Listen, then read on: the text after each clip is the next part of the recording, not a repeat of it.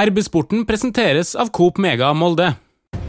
Så at eh, Molde skulle slå ut Hoffenheim er jo egentlig ikke rarere enn at eh, Bayern München slo eh, Barcelona 8-2, liksom. Så ja, det er mulig. Velkommen til en ny episode av RB-sporten, Romsdals Bustikkes podkast for fotball og idrett i Romsdal. Mitt navn er Ole Bjørner Lo Velde, og i dag har jeg med meg et panel med Pernille Huseby. Hallo, hallo. Ja, jeg glemte å presentere deg ordentlig, Ja, Pernille. Vi tar det helt fra bunnen av. Supporter og journalist i Romsdals Bustikke. Ja, stemmer. Trond Hustad, sportsleder i Romsdals Bustikke. Hei, hei. Og med oss på um, radio- og TV-link så har vi Viasats eh, faste kommentator Eivind Bisgaard Sundet. Velkommen. Tusen takk, veldig hyggelig. Ja, jeg må også nevne Du driver en veldig populær eh, podkast om eh, tysk fotball. Hvis det er god nok i tysk. Dritte Halbseit, stemmer det? Det er riktig. Den tredje omgangen, vet du. Det som skjer etter kampen. Ja, jeg må innrømme at jeg er veldig svak i tysk, og jeg har også noen eh, store hull når det gjelder tysk fotball. Så i samband med MFKs kamp mot Hoffenheim, så måtte vi ha inn en, eh, en ekspert.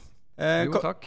hva kan du si om eh, det laget Molde fotballklubb skal, skal møte på torsdag? Hoffenheim. Det er en veldig spesiell klubb, Hoffenheim. Til å være en tysk eh, fotballklubb, så er det en veldig annerledes klubb. Og på mange måter så kan man nesten sammenligne de litt eh, med Molde, pga. at de har en veldig rik eier inne, da. Som har gjort at eh, klubben har gått Ikke som Molde har jo en historie fra før, før eh, eierne kom inn. Mens i Hoffenheim så hadde de ikke det. Så det var en klubb som lå helt nede på, i 7. divisjon. Eh, og så kom en som heter Dietmar Hopp inn for en eh, 15 år siden, og han eh, 20 år siden kanskje, og som er en av Tysklands rikeste menn. Som um, har drevet et sånt dataselskap som heter SAP. SAP kjenner Ja. vi godt her på huset. Det er et eh, det det, ja. lønns- og administrasjonssystem som uh, jeg tror mange har eh, klødd seg ganske mye i huet over eh, opp gjennom åra. Vi hadde det fram til 2011. Jeg skal ikke si De hadde et ålreit renommé, men eh, i likhet med en del andre sånne system, så ble det jo sagt at eh, det her er lagd for at bedriften skal tjene penger. Det skal være så vanskelig å registrere variabler at Så dere har jo vært med og støtta Hoffenheim, da, så nå kan dere angre på at dere brukte, brukte det programmet i den tida dere gjorde det. Men han er eh, Dietmar Hopp, han hadde spilt for Hoffenheim. Som ung. Ja. Og så byen, eller landsbyen, benevnes det faktisk som. Du har jo vært der. hvor det, er en- liten plass. Ja, Sinsheim heter den byen da hvor eh, stadion ligger. eh, fordi at Hoffenheim er så lite at de har ikke egen bane engang. Så det er, det er et bitte, bitte lite eh, sted som ligger utenfor Heidelberg i Tyskland. Eh, men uh, fotball har det aldri vært der før han kom inn. Men uh, nå har altså han bygd opp en av ja, Tysklands uh, Altså det er nok Tysklands mest veldrevne klubb, sammen med Bayern München og, og Leipzig, kanskje.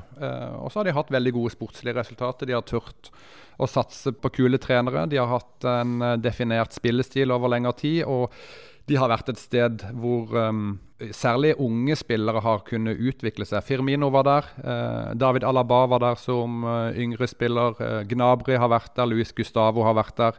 Så det er en um, klubb som har slått fra seg eh, de siste årene i um, verdensfotballen egentlig, og i Bundesliga. da. Har de klart å skape noe fotballstemning rundt det her? Hvordan er det på arenaen? Nå er det jo dessverre ikke tilskuere når MFK skal dit om uh, ei halv uke, men uh, hvordan ville det vært? Det ville nok vært ganske labert, ja.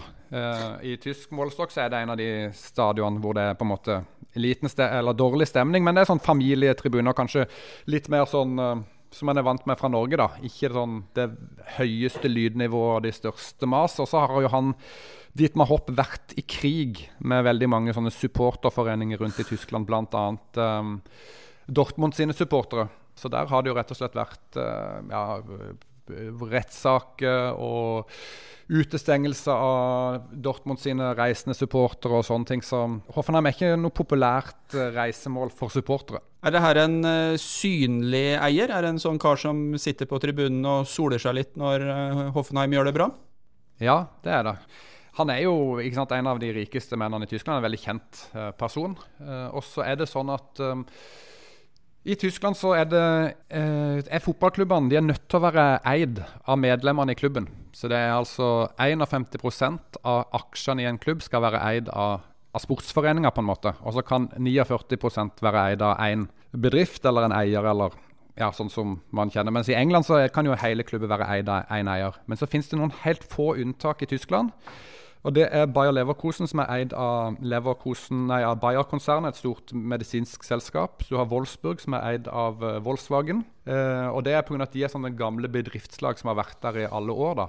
Men det store unntaket i tysk fotball det er Hoffenheim. Eh, fordi at Dietmar Hopp han er så rik at han har greid å unngå denne her regelen. Eh, og da fikk en dispensasjon etter å ha vært inne i Hoffenheim som sponsor i 20 år. Så sa det tyske forbundet at ja, men du Dietmar Hopp, du er så hyggelig og snill og grei og vil bare godt, så du kan få lov til å eie hele Hoffenheim alene. Så han gjør faktisk det. Som uh, den eneste i Tyskland så er han en enkelteier av en klubb. De fleste lag som uh, spiller mot Hoffenheim, henter vel sikkert litt ekstra inspirasjon i den uh, historia som du akkurat nå har fortalt oss, Eivind. hva tenker dere om uh, sammenligninga med MFK her, Pernille og Trond? Nei, altså Molde har gjort det jo bra. Har gjort det bra lenge før Røkke-perioden, men det skal jo ikke legges skjul på at det kom et lite hopp i både det ene og det andre etter store, det store bidraget. Når var det det var sånn årsmessig, Trond? Eh, de største bidragene fra, fra eiersida til, til, MFK, det var jo eh, rundt Champions League-deltakelsen for, eh, for, litt over 20 år siden. Eh, da var jo Røkke og Gjelsten inne med kanskje en tredjedel eh, av budsjettet eh, en periode. I dag, eller de siste fem-seks åra, så har vel det økonomiske bidraget vært nede på en 10-12 millioner, tror jeg. Altså rundt 10% av Molde sitt budsjett. Og så er det viktig, som var sagt tidligere òg, at MFK har jo en lang tradisjon, historie, en kultur for å være et topplag eh, i norsk fotball helt tilbake til 70-tallet. Ja, man må på en måte, Jeg synes det er veldig sånn urettferdig, spesielt når vi får kritikk fra andre eh, stort sett supporterklubber, da, om at Molde er en historieløs klubb som bare har solt seg i glansen av Røkke og Gjelsten. For det stemmer jo overhodet ikke. og Molde tjener mye penger sjøl på at vi gjør det godt i Europa, og at vi selger unna spillere som vi har gjort gode. Så det er veldig mye sånn urettferdig barnslig misunnelse ute og går. Da, syns jeg. jeg tror ikke at uh, hvis det Lillestrøm, da, som ofte er eh, den supporterklubben, Kanarifansen, som ofte er den som er hardest ute med kritikken, hadde de hatt en uh, rik kar som hadde gjort seg rik på et eller annet det å gjøre seg rik på i Lillestrøm, så tror jeg ikke de hadde takka nei til de pengene. Tror jeg kanskje at jeg hadde hissa på meg noen folk i Bærum nå, men ut fra den beskrivelsen som Eivind ga oss, så tenker jeg mer Stabæk, ja, altså. Når jeg hører Hoffenheim og Ingebrigt Sten Jensen og egentlig det å plukke opp et lag i, lavt i divisjonen og, og, spille dem opp på en ny, stor arena som det da viste seg at de ikke hadde råd til. Mm. Ja, det er nok uh, mer likt det at Stabæk kanskje er, er likere, i og med at de ikke hadde historien fra tidligere. Så det er jeg helt enig i. Fotballmessig, Eivind, du hadde jo gleden av å se eh, Hoffenheim i aksjon i helga. Kommenterte den på Viasat. 2-2 eh, mot eh, Borussia Dortmund. Hva svar ga den kampen i forhold til hva som, som møter MFK på torsdag? Litt vanskelig å si, syns jeg. For det blir jo ofte sånn at man henger seg litt opp i, at Dortmund er dårlig, da. Men, eller at de er inne i en dårlig periode. Men, men Hoffenheim er et lag du kan på en måte kjenne igjen litt av hva de har hatt lyst til å gjøre i veldig mange år. Eh, fordi at de har hatt eh, trenere som har stått for um, denne nye tyske fotballstilen som uh, Jørgen Klopp har liksom vært uh, den store forkjemperen for, eller uh, eksponenten for. Altså høyt press, hurtige kontringer, veldig sånn kjapt spill i lengderetning, og det å prøve å vinne ballen tidlig. De hadde Ralf Ragnhild, som er en sånn trenerlegende i Tyskland, som, som, sammen med Jørgen Klopp har vært de, som, eh, de to som har eh, stått for den type fotball. Og Det var Ralf Ragnhild som fikk opp Hoffenheim i sin tid fra andre Bundesliga opp til Bundesliga. Og så har de hatt trenere etter han som på en måte har prøvd å videreføre den stilen. Og Der kom jo Nagelsmann inn for noen år siden og på en måte videreutvikla hele, hele spillestilskonseptet. Uh, og så hadde det vært litt sånn De hadde litt problemer forrige sesong, men så henta de da en som heter um, Hønes inn som trener nå. Som er nevø til Oli Hønes i Bayern München og sønnen av Dieter Hønes, som er to gamle Da var det mye gode fotballnavn på en gang. ja, og han har den samme stilen igjen, ikke sant? Uh, hvor uh, det skal gå fort, og det skal være liksom høyt press og alt det greiene her. men det har ikke funka helt for, for for det i år. Men de har gjort det veldig godt mot god motstand. Så de har jo slått Bayern München og vært gode mot Dortmund. Og Glabber har de slått denne sesongen og sånne ting. Så hvor de akkurat står nå, Det er vanskelig å si, men jeg tror at uh, Molde-spillerne kommer til å kjenne ofte på at de har dårlig tid når de har ballen, f.eks. Og med en gang ballen skifter eier, så kommer det til å være litt sånn, sånn kaos som, um, som ofte preger sånne typer lag. da. Pga. Eh, covid eh, så går jo denne kampen i eh, Spania på Reals hjemmebane. Den skulle vært spilt på, på, Aker stadion. Kan vi forvente at Molde fotballklubb framstår som et hjemmelag på torsdag og prøver å ta initiativ i kampen, Trond? Nei, det tror jeg ikke at vi skal forvente. Jeg tror ikke at de kommer til å være like feig eh, eller kynisk som de var i, i perioder i, i kvalifiseringa. Men eh, jeg tror heller ikke at Molde kommer til å gå ut som vanlig mot en så eh, antatt mye sterkere motstander da, på papiret på en nøytral bane i et annet land. Så klart at De må, må, tørre å spille fotball. De må prøve å ha ballen. Det er viktig, og det har Molde øvd på i mange år nå. Og, og blitt ganske god til. Også på dette nivået her har det vist seg spesielt de siste to-tre åra. Men jeg tror også at uh, nøkkelen her uh, ligger i kontringa i en del faser av kampen. Hva tenker du Eivind, i forhold til Hoffenheim, når de eh, skal lede en kamp og bygge opp press? Ut fra den beskrivelsen du ga, så så jeg for meg kanskje et lag som kler utfordrerrollen bedre? Ja, definitivt at de gjør det. og Det så vi bl.a. i årets, en av de første kampene når de spilte mot Bayern München, hvor de hvor de greide å kontre på de. Um, nei, det, er, det, er, mange sånne uh, artige ting når man begynner å prate om det. fordi uh, De som så kampen uh, mot Dortmund i helga, så ser jo at Hoffenheim står jo fryktelig høyt, f.eks. Så hurtige spillere hos, uh, hos, Molde foran kan jo få ganske gøye arbeidsforhold da, hvis Molde greier å kontre. Hoffenheim har jo vært Jeg, jeg har ikke fulgt Hoffenheim tett, men jeg har sett eh, en del av kampene i det siste. Eh, Bl.a. de to siste. og som du er inne på det, De står høyt, eh, uten at de egentlig behersker det veldig godt.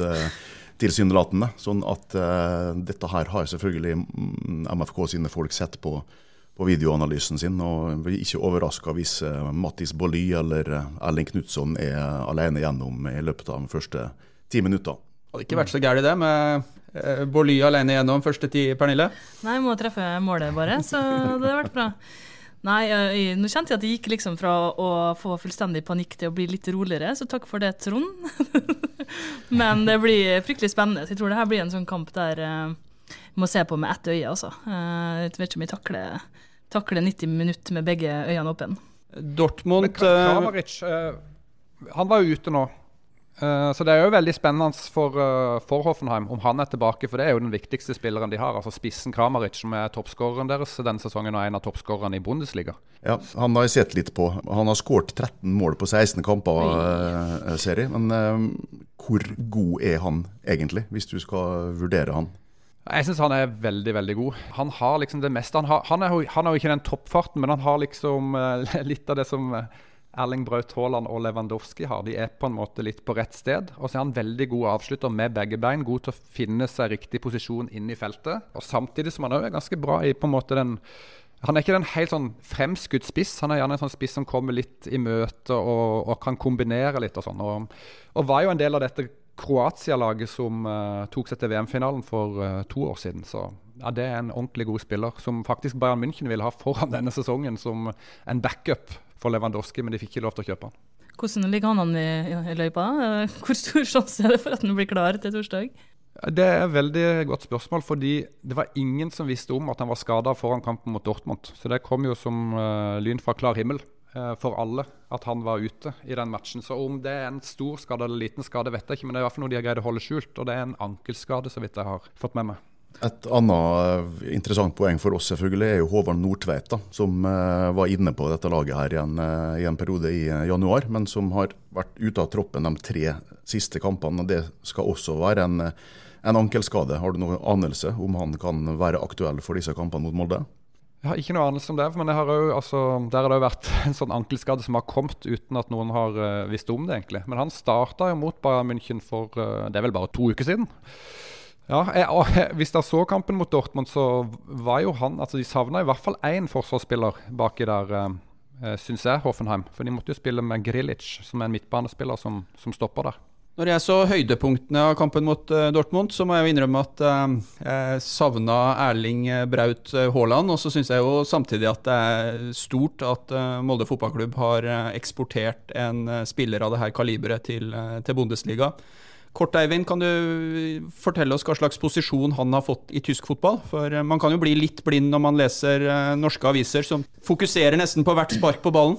Ja, eh, Problemet er jo at de gjør det i Tyskland òg. Eh, så han er jo på alle forsider hele tida. Eh, nei, han, han har gjort noe som ikke jeg trodde var mulig for en norsk fotballspiller, helt ærlig. Han er den største stjerna i tysk fotball nå, sammen med Lewandowski kanskje. Men han har jo det vesenet som, som gjør at han er jeg tror han er lettere for pressen å skrive om å ta liksom, trykket til hjertet da, enn det iskalde Lewandowski og mange av disse Bayern-stjernene. Så nei, han, eh, han, er nok den mest eh, profilerte spilleren i Tyskland for øyeblikket. Det blir jo litt uh, kok rundt den. Jeg så det var antydning til litt håndgemeng etter var vel kanskje skåringa, uh, hvor uh, han følte at han ikke fikk feire nok. ja, det var jo Hoffenheim som mente at, de, at, han burde ha spilt ut ballen, som var helt tullete gjort. da. Fordi de hadde en spiller nede, men de spilte ikke ut ballen sjøl. Så det var egentlig var vel bare en som mista litt hodet, som ble litt sur på han der. Men jeg syns ikke han kunne ta så mye kritikk for det, stakkaren. Hei, Hilde her, fra Coop Mega Molde. Kom innom og se vårt store og brede utvalg av mat fra lokale produsenter. Vi har også gavepakker til den som har alt. Velkommen til Coop Mega Molde. Det er jo en eh, fascinerende historie. Vi eh, bor jo i en relativt liten by på Nordvestlandet og har eh, mye vindusflater ut mot Moldeelva. Og det er jo bare noen år siden vi så Erling Braut Haaland gå traske her ute, og så plutselig så, så er det den spilleren som eh, alle prater om. Og jeg forstår nå at eh, i dette tilfellet så er det ikke en norsk hype, det er også, det er også sånn det er i, i Tyskland. Men et, kan jeg spørre dere et spørsmål? Ja. Hvordan, hva, tro, hva, trodde dere altså, når han spilte i Molde? Eh, hvor, hvor, langt trodde dere han kunne, kunne nå? Eh, nei, det var jo Det ble fort veldig eh, åpenbart at dette her var et talent eh, utenom det vanlige. Og også med fysiske og mentale egenskaper helt utenom det vanlige. Og så var jo dette her noe som speiderapparatet til MFK hadde sett tidligere, noe som Ole Gunnar Solskjær og osv. Eh, registrerte før, før han ble henta hit. Men eh, så vokste han jo, 12 eh, cm på et år eller noe sånt der, og plutselig så var det jo helt umulig å stoppe han. sånn at det var tidlig helt tydelig at han kom til å nå langt, men selvfølgelig. Det er jo ingen som kunne forestille seg det sirkuset som har vært de siste, siste to årene nå. Noe som er artig med Braut Haaland, er jo måten han bygde karrieren på. altså Han har tatt steg for steg hele, hele veien. og Det er kanskje en av de tingene som har imponert eh, meg mest. For tilsynelatende så kunne han liksom ha hoppa over et steg, men han har liksom valgt å, å, ta det trinnvis. og eh, det er vel kanskje derfor jeg tror at, eh, med all respekt for Dortmund, at han kan lykkes i en enda større klubb også. For at han har hatt bra erfaring med å liksom ta det steg for steg. Mm. Jeg syns jo det der eh, det mentale som alle snakker om, liksom, at det er så spesielt uh, med han. Men jeg, skjønner ikke at det går an å hente så mange så mye på liksom, det mentale i liksom, toppfotballen. For der er jo alle på en måte like gira på å bli bra, men det er jo ofte det som blir trukket fram. da, At liksom, han har en helt spesiell mentalitet og vinnervilje og sånne ting. Men uh, ja, jeg syns det er så fascinerende. Han har en energi som appellerer bra til supporter og Pernille, har han ikke? Ja, han er jo en artig kar. Han svarer jo egentlig bare ja eller nei. Men jeg husker jo for noen år siden, kanskje fem år siden, nei fire år siden kanskje, så var jeg sånn utegående reporter på Barnas dag på Aker stadion. Og da skulle jeg spørre Haaland hvordan det var å få besøk av barn. Og da sa han bare ja, jeg spør noen andre. Så det er litt artig at da, for fire år siden, så får han måtte svare på spørsmål om hvordan det var å spille fotball med barn. Og nå driver han og gjør sånne kleine yogavideoer med Tysklands mest kjente fitnessinstruktør på vegne av Dortmund. Mm. Så det er bare noe med hele han. Det er noe med vesenet som bare er litt artig. Eh, og så er han liksom Sjøl om han er litt storkar, så er han fortsatt en folkelig fyr fra Jæren. Så det det var noen av disse her spesifikke eh, mentale egenskapene da, som har vært løfta fram hele veien, som jeg husker at MFK-folk har prata om eh, fra begynnelsen av. Altså når han eh, slo gjennom på, på G17-landslaget og osv. Det er jo akkurat dette her med at han er totalt fryktløs. Det var han også da, når han var en liten gutt. Altså Han var ikke redd for noen ting. Og det er klart at Da har du en stor fordel hvis du driter i hvem du skal spille mot. Det, det er et kjempefortrinn. Og så er det det som til stadighet blir nevnt, det er altså evnen til å bare skru av etter kampen, snu seg, tenke på neste trening, neste kamp. Uansett om du har bomma tre ganger alene med keeperen, eller om du eh, har skåret eh, hat trick, så er den der nullstillinga og omstillinga som eh, er med å lufte han. Får vel kanskje ut alle følelsene i kamp, da, for han, det er jo ingen som blir så vanvittig sur eller så vanvittig glad som Haaland, og viser det. Ja. Og lett å lese. Mm -hmm. Vi har vært eh, gjennom eh, Hoffenheim og Hoffenheims eh, skadesituasjon. Molde fotballklubb reiste til Spania på søndag med et flyselskap fra Dublin, tror jeg, og har ankommet i Spania. Hva er situasjonen i MFK-gruppa? Er det noen som er usikre, eller har Erling anledning til å velge fritt, Trond? Nei, altså Det er jo først og fremst spissituasjonen som er spennende eh, før denne kampen, her, eh, synes de. Eh, det er den som gjør meg litt usikker på hva MFK kan oppnå. For kanskje må du spille med en Mattis Bolli, som gjerne kan fungere mot et, et forsvar som står høyt, og med noen smarte eh, pasninger fra, fra, Magnus Eikrem i, i, bakrommet der. Men eh, Leke James eh, er borte. Han den, var den beste spissen i Eliteserien i de to siste sesongene. Ohi er ute med skade, han er ikke med. Og det er klart at Bjørn Bergman Sigurdarsson han har ikke spilt nesten fotball på høyt nivå eh, på eh, i hvert fall et halvt år, så han er ikke klar til å gå inn, eh, tror jeg, og starte eller spille 90 eh, minutter her. Sånn at uh, I tillegg så er det jo uh, litt usikkerhet rundt midtbanen, i og med at Etsas Hussain også er småskada og ikke aktuell. Uh, for denne kampen her har jo vært eh, en av de viktigste spillerne til Molde i mange år, eh, i flere perioder her i Europa. Også den, eh, en av dem som har spilt flest sånne viktige kamper, faktisk eh, bikka 50.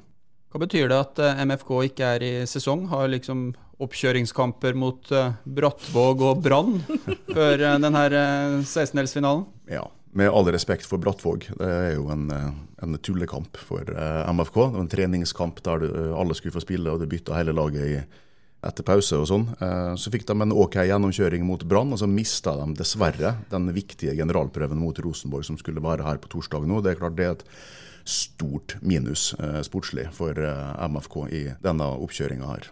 Og så ser vi jo hvilke motstand Hoffenheim spiller mot da, før og etter disse kampene. her. Det er klart det er en kjempefordel.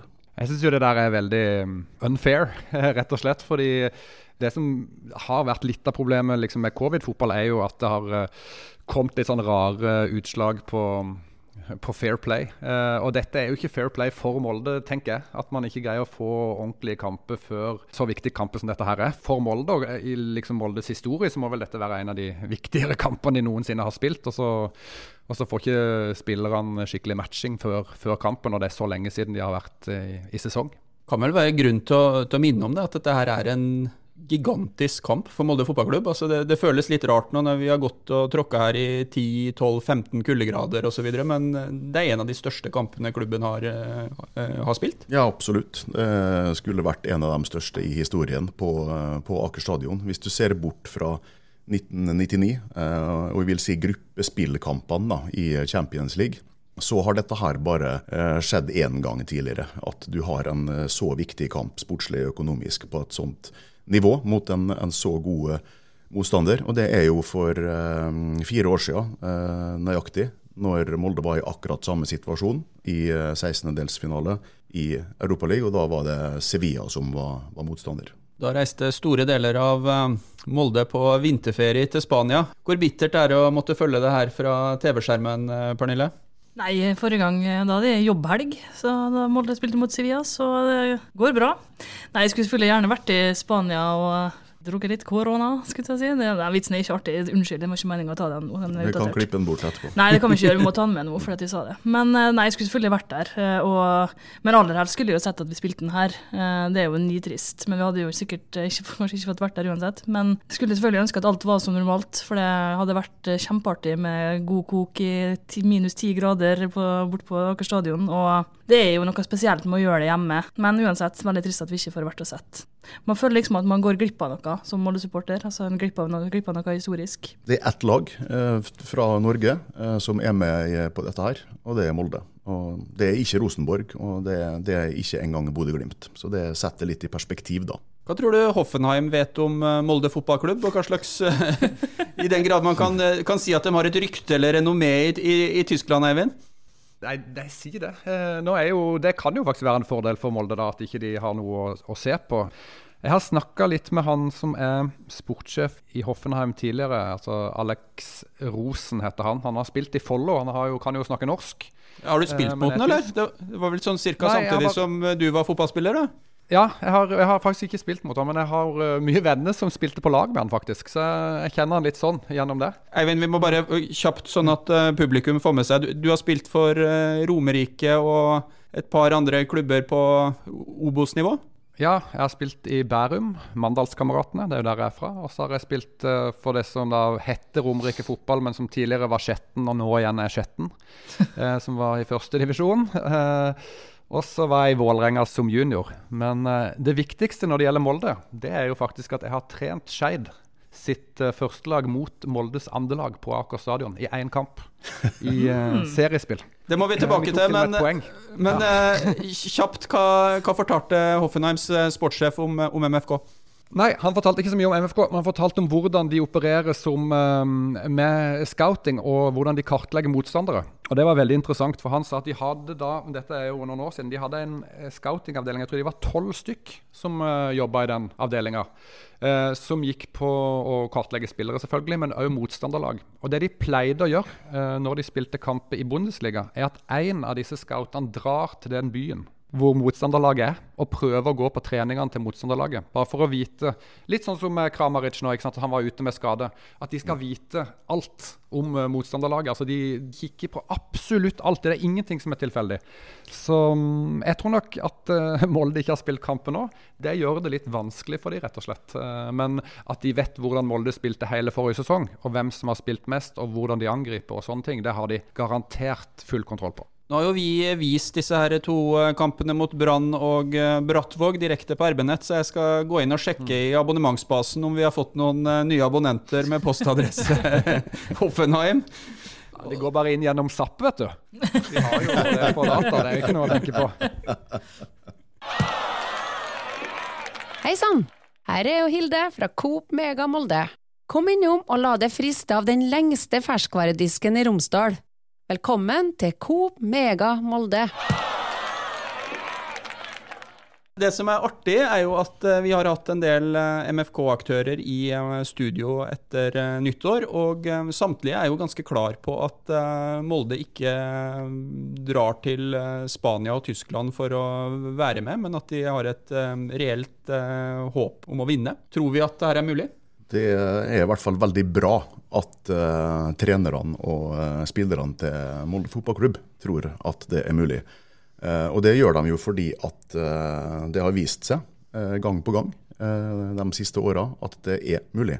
Både å yppe seg mot så gode lag som dette her, og også få det resultat eller en seier. Altså Det går an å skåre mål, det går an å, å eie ballen. Vi har sett Molde mot St. Petersburg eller eh, Arsenal eh, i 45 minutter to ganger. Og det er jo bevist da, at på gode dager så kan dette Molde-laget her bruke spisskompetansen sin til å matche lag som er på papiret og i praksis da er, er et hakk bedre. Men min usikkerhet her ligger i at de har ikke fullt lag. på en måte. De er ikke bare at de ikke har fått spille de eh, riktige treningskampene før dette dobbeltmøtet her. Eh, men de har ikke alle folka sine på plass eh, i sentrallinja, på midtbanen og på spiss. Og Det gjør meg litt eh, mer skeptisk enn jeg har vært tidligere år. Har du noen følelse på hvordan dette kommer til å gå, Pernille? Uh, ja, altså jeg er jo litt negativt innstilt. Men som, altså, hvis man skal være supporter, så kan man ikke, ikke tro at det går. Altså Man må på en måte tro at det går, man må håpe i det lengste, og så får man se hvordan det går. Og jeg tror det blir veldig vanskelig, men ja, jeg tror vi vinner, altså. Håper at de får vært i Spania litt, blir litt kjent, føler seg litt hjemme, blir litt brun, får litt D-vitamin, litt oppesen. Ja, og så skal de til Hoffenheim, litt likt Molde. Stadion med badeland, det har vi også. liten by. Kanskje, kanskje det går bra. Ja, når eh, kampene ble, eh, ble trukket, så var det jo litt sånn blant enkelte supportere litt skuffelse. Gjerne ønska seg et eh, engelsk motstand osv. Men når det fikk summa seg litt, så begynte man jo ganske fort å snakke om at eh, det er greit å få en, eh, en motstander som man eh, kan slå. Hva vil det bety for Molde fotballklubb å, å spille seg enda et hakk videre i, eh, i Europaligaen? Nei, Det vil jo først og fremst bety at klubben da har oppnådd noe som man aldri har oppnådd før. Altså Det er en ny milepæl. Det vil være eh, historisk. Eh, Det er en rekord. Altså Dette har veldig stor betydning, ikke bare eh, økonomisk. Så er jo det meste av pengene i banken allerede. Det er mindre summer å tjene på dette tidspunktet her i, i løpet i Europaligaen. Men klart den opplevelsen av å eventuelt klare noe som ingen andre har klart før, etter at de begynte med denne fotballklubben her i, i 1911, det vil ha enorm betydning. Da er det ikke lenger Rosenborg som er hele Norges. Da blir det Molde. Tror du vi kan bli hele Norges fotballklubb, Pernille? Eh, nei, men vi kan si at vi er det, og så kan alle andre være uenige. Det er jo litt sånn som vi opererer nå. Alle hater jo Molde, men eh, vi kan elske dem dobbelt så mye. Kanskje vi kan spørre eksperten om det. Eh, Han flirte, da, så jeg vet ikke helt om vi vil. hvorfor tror du at eh, alle hater MFK? Øh, nei. nei, nei, si det. Jeg har bare lest den boka Taril Arild Stavrum om hvordan det var å spille fotball i Molde, så det var vel uh, kanskje noe der. Jeg vet ikke. Uh, nei, men jeg syns jo at um, det er veldig um, interessant uh, det som, uh, som skjer nå med, med norsk fotball. Altså ikke bare Molde, men uh, uh, så jo Glimt greide seg jo egentlig veldig greit mot AC Milan. Det er liksom en sånn ny eh, giv i norsk fotball. da. Og jeg tror jo hvis Molde går videre nå eh, mot Hoffenheim, så blir jo det bare en sånn forsterkelse av det. da. Vi har masse gode spillere ute nå, eh, med Haaland i spissen, men det er jo mange flere der. Sørloth og Martin Ødegaard og alt mulig. Og så har jo det da vært liksom ligaen i den norske ligaen som ikke har greid å konkurrere ute i Europa, men da hvis Molde nå skulle gå videre ett hakk til, så er jo ikke det heller et problem for norsk fotball. Så da begynner vi å snakke om at det er faktisk eh, ikke bare historisk for eh, Molde, liksom, men det er jo en ny storhetstid for, for norsk fotball kanskje som er på gang. da. Så, så viktig er den kampen der.